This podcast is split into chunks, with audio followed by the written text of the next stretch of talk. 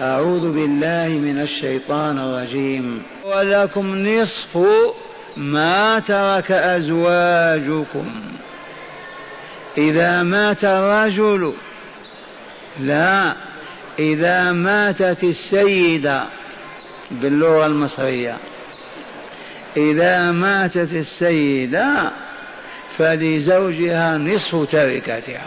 وإذا مات السيد فلزوجته ربع التركة. بشرط أو بدون شرط؟ ألا يكون هناك ولد. ولكم نصف ما ترك أزواجكم إن لم يكن لهن ولد. فإن كان لهن ولد فلكم الربع. مما تركن أي الزوجات من بعد وصية يوصين بها.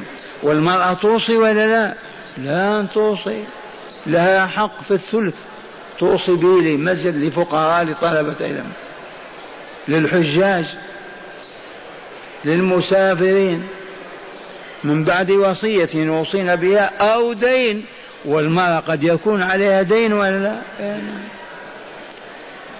ولهن أي النسوة الربع مما تركتم أيها الرجال إن لم يكن لكم ولد.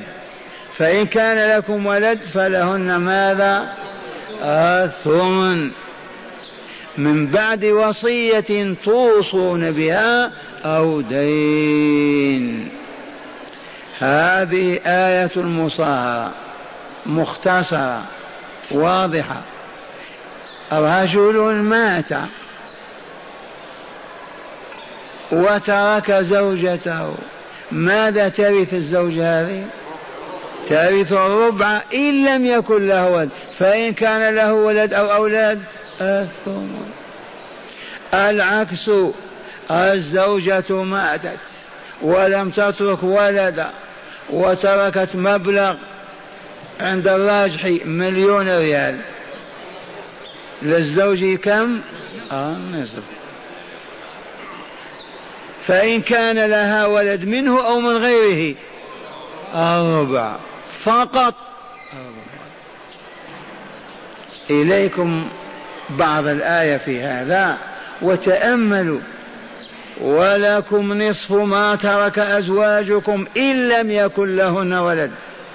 فإن كان لهن ولد فلكم الربع مما تركنا من بعد وصية يوصين بأودين ولهن أي الزوجات الربع مما تركتم أيها الرجال.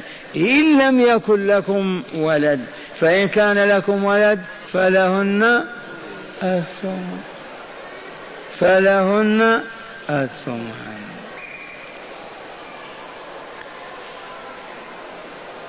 ننتقل إلى باقي الآية؟ لا بأس. ونراجع. يقول تعالى وإن كان رجل يورث كلالا أو امرأة وله أخ أو أخت فلكل واحد منهما السدس.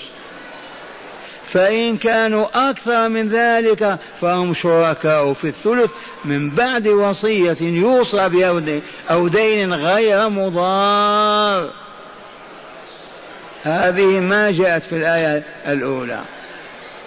لحكمة وصية من الله والله عليم حكيم. هذه الجملة تسمى الكلالة. إرث الكلالة. ما هي الكلالة؟ هي أن يهلك الهالك وكلنا هالك إلا وجه الله. لا يترك أب ولا أم ولا ولد ولا بنت. ما ترك أبوين ولا أولاد ولا أولاد أولاد. ترك ماذا؟ ماذا؟ إخوته من أمه.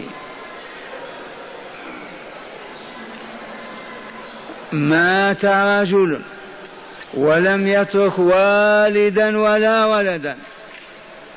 أبدا. أمه ماتت من قبل وأبوه مات من قبل وهو ما أنجب. أو أنجب ولد مات هذا المال من يرثه؟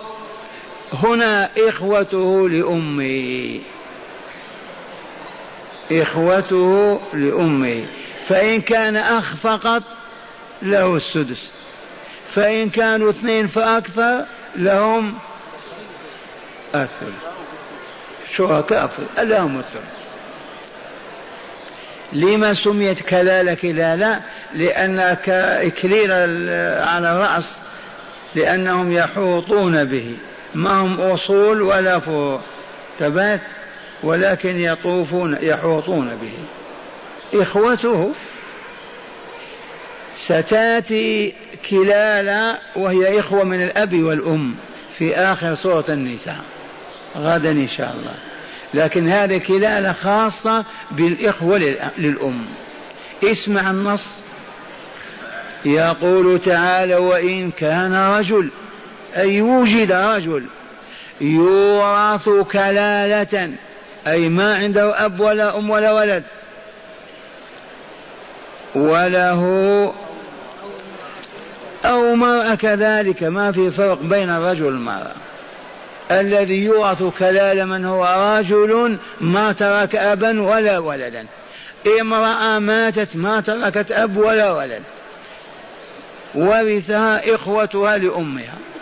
ما في فرق بين الرجل والمرأة. وإن كان أي وإن وجد رجل يورث كلالة أو امرأة تورث كلالة وله أخ أو أخت. فلكل واحد منهما السدس. مات الرجل ولم يترك أبا ولا أم ولا ولد ولكن ترك أخته فقط. كم لها؟ السدس.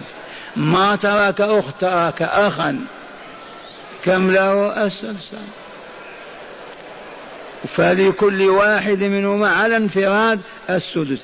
فإن كانوا أكثر من ذلك اثنين ثلاثة عشر عشرين فهم شركاء في الثلث.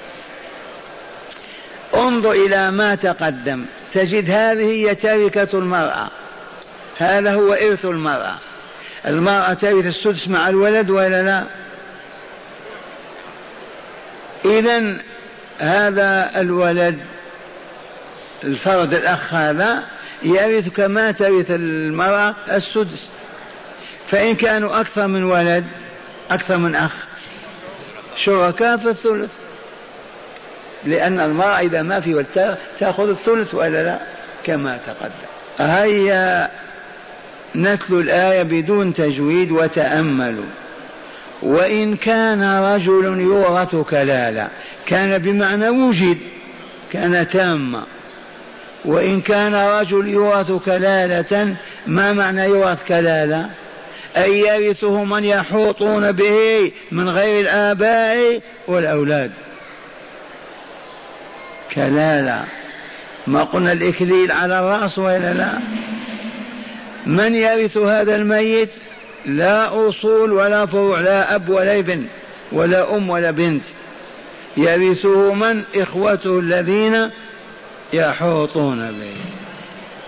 عرفنا هذا؟ هيا إليهم.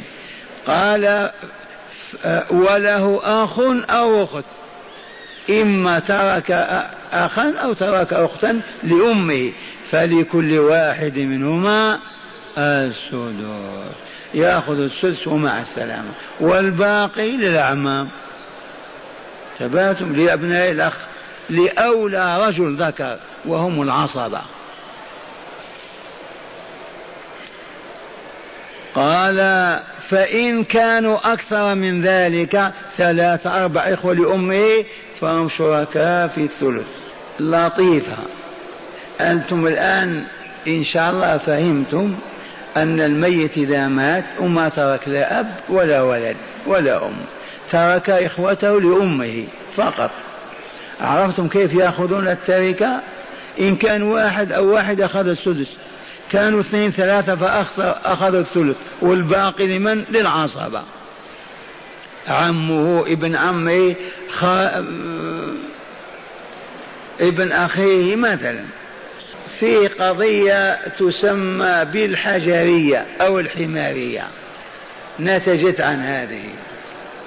وهي سلمكم الله. أن تموت امرأة. تموت مرأة. كذا و وتترك زوجها وأمها وإخوة لأمها وأخا لأبيها أو لأبيها وأمها. ما طالع الكتاب ما تفهم خليكم معي. ماتت مؤمنة سعيدة. من تركت؟ تركت أمها. جايز تترك أمها ولا لا؟ تركت لا أولا تركت زوجها وأمها وإخوة لأمها وإخوة لأبيها وأمها.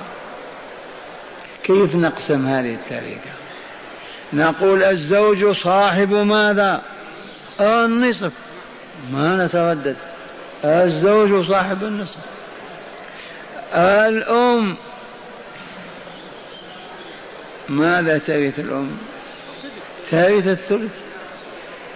ما في من يحجب عن الثلث ما فيه ولد. أي نعم. وإخوة للأم. إذا الزوج له كم؟ النصف ثلاثة من ستة. كذا ولا لا؟ والأم لها اثنان ثلث من ستة. كم باقي؟ باقي واحد. من يرثه؟ الإخوة لأم والآخرون مع السلامة. وإلا لا؟ الأخ الشقيق أو الأب ما له حظ هنا؟ ثباتهم ما بقي شيء. هذه القضية رفعت إلى عمر. فشك الأخ للأم للأب أو الشقيق. قال يا عمر افرض أن أبانا حجر. أليست أمنا واحدة؟ كيف نحرم؟ سماها الحجرية. أو يا عمر افرض أن أبانا حمار. أليست أمنا واحدة؟ لما نحرم نحن؟ قال ما بقي لكم شيء. الزوج صاحب نصف ولا لا؟ الأم صاحبة الثلث ولا لا؟ الإخوة للأم صاحب السدس ولا لا؟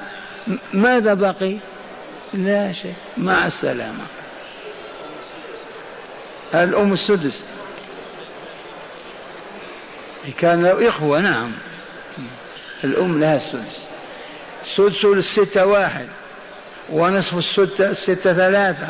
أربع. بقي اثنان للإخوة للأم. والذين لأب أو أو لأم وأب ما بقي لهم شيء. اسمع كيف رويت.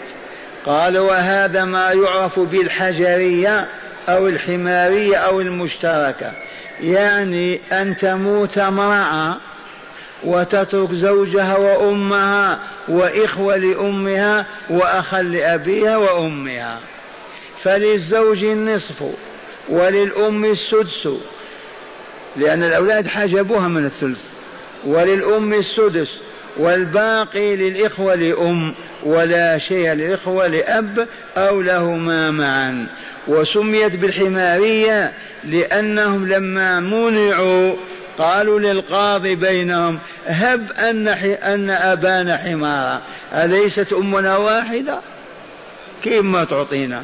وقالوا هب أن أبانا حجر أليست أمنا واحدة؟ وطالبوا بتشريكهم في الإرث فسميت بالمشتركة. نعود إلى آية الكلالة. يقول تعالى وإن كان رجل يورث كلالة أو امرأة وإن كانت امرأة لا فرق بين الرجل والمرأة يورث كلالا أي يرث من يحوطون به لا الآباء ولا الأولاد من الإخوة. فلكل واحد منهم السدس. كذا بنت لها السدس ولد له السدس لأنه واحد فقط والباقي للعصبة فإن كانوا أكثر من ذلك ثلاث بنات مثلا أو إخوة فهم شركاء في الثلث فقط. وذلك من بعد وصية يوصى بها أو دين غير مضار. هذه اللطيفة ما جاءت في الأولى لأن هنا قد يكون الموصي لأن الوارثين هنا تعرفهم ولا؟ إخوة لأم والإخوة للأب والأشقة ممنوعين فالمريض هو عارف هذه القضية. ثبات يا أولاد اصبروا. إذا مت هو مريض سوف ما يبقى لكم شيء. إذا يوصي. أو يدعي أن لفلان عليه دين كذا. تبهتم فإذا ثبت أنه ادعى دينا وهو لا وجود له أو أوصى بوصية ما هو صادق فيها. تبهتم فهذه القسمة باطلة. ولا يصادق على الوصية ولا على الدين. لأن هذا الدين أراد به الإضرار بالذين يرثونه ولا يريد أن يرثوا. لا سيما وقد يحرم ابن امرأته. تبهتم من الأخ لأب أو لأم وأب. فقال تعالى أو دين حال كونه غير مضار ومضار بمعنى مضارر للتضعيف أضرمت الرفض غير مضارر وصية من الله والله هذا الذي قرأناه كله وصية من الله والله عليم. ووصية الله يجب أن تنفذ ولا لا؟ وبالأمس قلت لكم إن الأمر أهون من الوصية. الوصية آكد وكل العقلاء ينفذون الوصية بخلاف الأمر. وصية هذه هذه قسمة في المصاهرة وفي النسب وصية منين؟ مصدرها الله. والله عليم حليم هنا.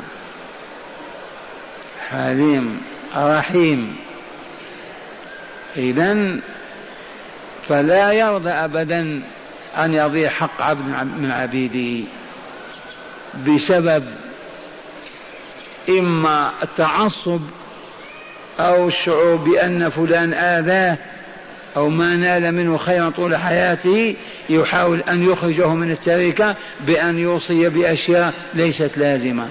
أو يدعي ديون ويسجلها وهو لا ديون ولا شيء. فلحلم الله تعالى ما يرضى بهذا.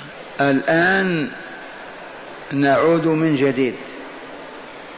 أولا أوصانا الله عز وجل بماذا؟ بأن نوزع تركاتنا عند وفاة أحدنا على الأولاد للذكاء مثل حظ الأنثيين. كذا ولا لا؟ يوصيكم الله في أولادكم للذكاء. مثل حظ الأنثيين. ما ترك هذا الوالد بنين وبنات بل ترك بنات فقط. كذا ولا لا؟ فإن كن نساء فوق اثنتين. فلهن ثلثا ما ترك. ثلث وثلث تثنية ثلثا ما ترك. وإن كانت وإن كانت واحدة فقط ما هم نسوة فلها النصف بالإجماع. والباقي للعصبة الأقرب في الأقرب الذكور. ولأبويه هذا الذي مات ترك بنين وبنات مات ترك بنات مات ترك بنت واحدة ما يكون لا هو موجود الأب والأم موجودين. فما لهما؟ ولأبويه لكل واحد منهما السدس مما ترك إن كان له ولد. فإن لم يكن له ذكر أو أنثى وورثه أبواه فلأم الثلث والباقي للسيد. فإن كان له إخوة يحجبون الأم من الثلث إلى السدس والباقي للأب بكامله. بالعصبة وبالفريضة. فإن كان فإن كان له إخوة فلأم السدس. من بعد وصية يوصي بها أو دين الآية. ها؟ ولو كانوا شيوخا مثلي ومثلك. ما في فرق بين الكبير والصغير. ولا الذكر والأنثى.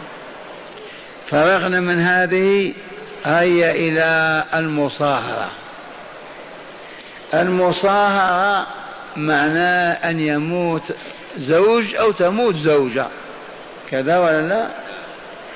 لأن كل منهما يصهر في الثاني ويصبح كجسم واحد. ولكم نصف ما ترك أزواجكم يعني هنا زوجاتكم. ولكم نصف ما ترك أزواجكم يعني زوجاتكم ولا لا؟ إن لم يكن لهن ولد. ما عندهن ولد لا من هذا الأب ولا من غيره. إذ من الجائز أن يكون للمرأة ولد من هذا الرجل وأولاد من رجل آخر إن لم يكن لهن ولد إن فرضنا فإن كان لهن ولد فماذا للرجل؟ آه. فلكم الربع مما تركنا. وهذا من بعد وصية يوصي بها أو يوصين بها أو دين. وهن أي الزوجات ولهن الربع مما تركتم أيها الرجال الأزواج. إن لم يكن لكم ولد فإن كان لكم ولد فلهن ماذا؟ الثمن مما تركتم بعد وصية توصون به أو دين. هنا نبهنا بالأمس لا فرق بين أن تكون الزوجة واحدة أو اثنتين أو ثلاثة أو أربع. كذا ولا لا؟ إذا كان نصيبها الثمن يقتسمن الثمن كلهن. وإلا لا؟ وإذا كان نصيب الزوجة الربع فالزوجات يقتسمنه. فهمتم ولا لا؟ ولهذا إذا تريد تأخذ الربع ما تقبل الضرر. ما تسمع له أن يتزوج بأخرى فمن هنا ما دام هذا الزواج إضافي يجب أن يتحمل النقص إذا. لما كانت واحدة الربع بالأمر. كذا ولا لا؟ أخذته. لكن لما جاءت أخرى تساعدها على الفراش والطعام والرحى والطحن وما إلى ذلك لا بد تقتسم مع هذا الجزء. وإن بلغنا أربع هذا بالإجماع ما في خلاف بين المؤمنين. مات الرجل وترك زوجتين ثلاثة وترك أولاد لهن الثمن بينهن. مات ولم يترك ولد ولا بنت ولا وإنما الزوجات وإخوانه مثلا فلهن الربع يقتسمنه كالواحدة. اسمع الآية ولكم نصف ما ترك أزواجكم إن لم يكن لهن ولد فإن كان لهن ولد فلكم ماذا؟ الربع. مما تركنا أي الزوجات من بعد وصية يوصين بها ودين ولهن من هؤلاء؟ الزوجات. ولهن الربع مما تركتم. بشرط ولا لا؟ إن لم يكن لكم ولد فإن كان لكم ولد فلهن الثمن. يجوز الثمن والثمن الربع والربع الخمس والخمس. لغات فصيحة. إلا الآية تتلى كما هي. والآن مع إرث الكلالة ما الكلالة هذه؟ أن يموت المؤمن ولم يترك أبا ولا جدا ولا ولد ولا ولد ولد ولا أم. من يرثه من يحوطون به من إخوته لأمه أو إخوته لأبيه وأمه إلا أن الآية التي فيها متأخرة. آخر سورة النساء لكن إن شاء الله نبينها غدا. عمر على جلالته. تسمعون ماذا كان له في هذا؟ عاتبه الرسول عتابا شديدا. وسوس في هذه القضية. إذا ولكم اسمع الآية. وإن كان رجل أي وجد رجل يورث كلالة أو وجدت امرأة تورث كلالة وله أخ أو أخت. هم كلالة ما هم آباه ولا أولاده. فلكل واحد منهما السدس. إن وجد واحدا أما إن كان مع بعضهما البعض. فلهم الثلث. فإن كانوا أكثر من ذلك اثنين فأكثر فهم شركاء في الثلث. ما في أكثر من ثلث. من بعد وصية يوصى بها أو دين غير حالي هذه غير مضار به أحدا. إذ يوجد من الضالين أو الضائعين يحسد الورثة يكتب ويشهد اثنين لنا فلان لفلان علينا خمسمائة ألف بسبب كذا وكذا. همه أن يحرم أولئك بس. أضر بهذا الدين ولا لا؟ ما هو دين وصية؟ أراد أن يموت وأولاده إخوانه فقراء وحسدهم لأنهم كذا؟ فقال أوصينا بالثلث لبني فلان. ولم يريد وجه الله فقط أراد حرمان هؤلاء الورثة لمرض نفسه. هل يقبل هذا؟ لأن الله اشترط هذا القيد غير مضار. وصية من الله والله عليم حليم. ما قال حكيم كالأولى. حليم ما يرضى الظلم والاعتداء. عبيده كلهم في مستوى واحد.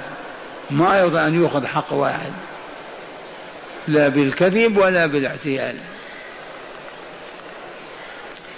الآن من باب التكرار نسأل. وأجيب من تهيأ لأن يجيب يجيب. من منكم يقف؟ قف. أنت تسجل. ما في بأس لكن أرفع صوتك. مات رجل وترك أولاد ثبات وما ترك غير الأولاد لا أب ولا أم. كيف تقسم هذه التركة؟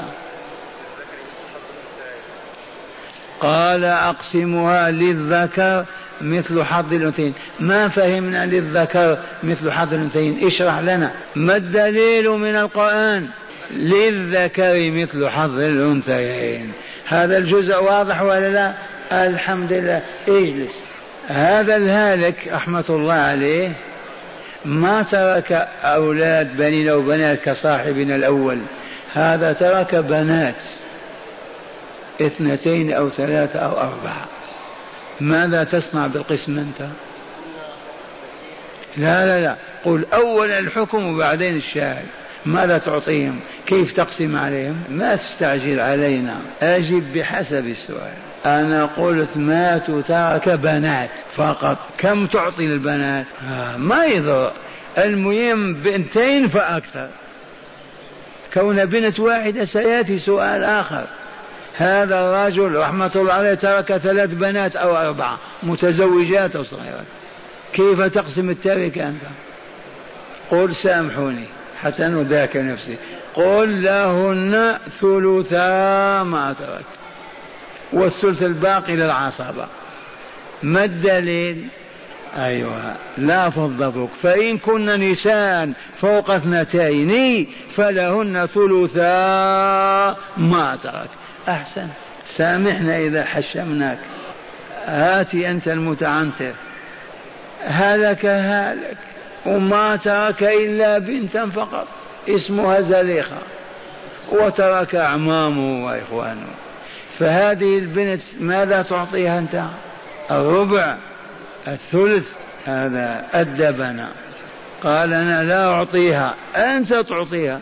الله ما ينزل يقسم بين التركة الله أعطاها.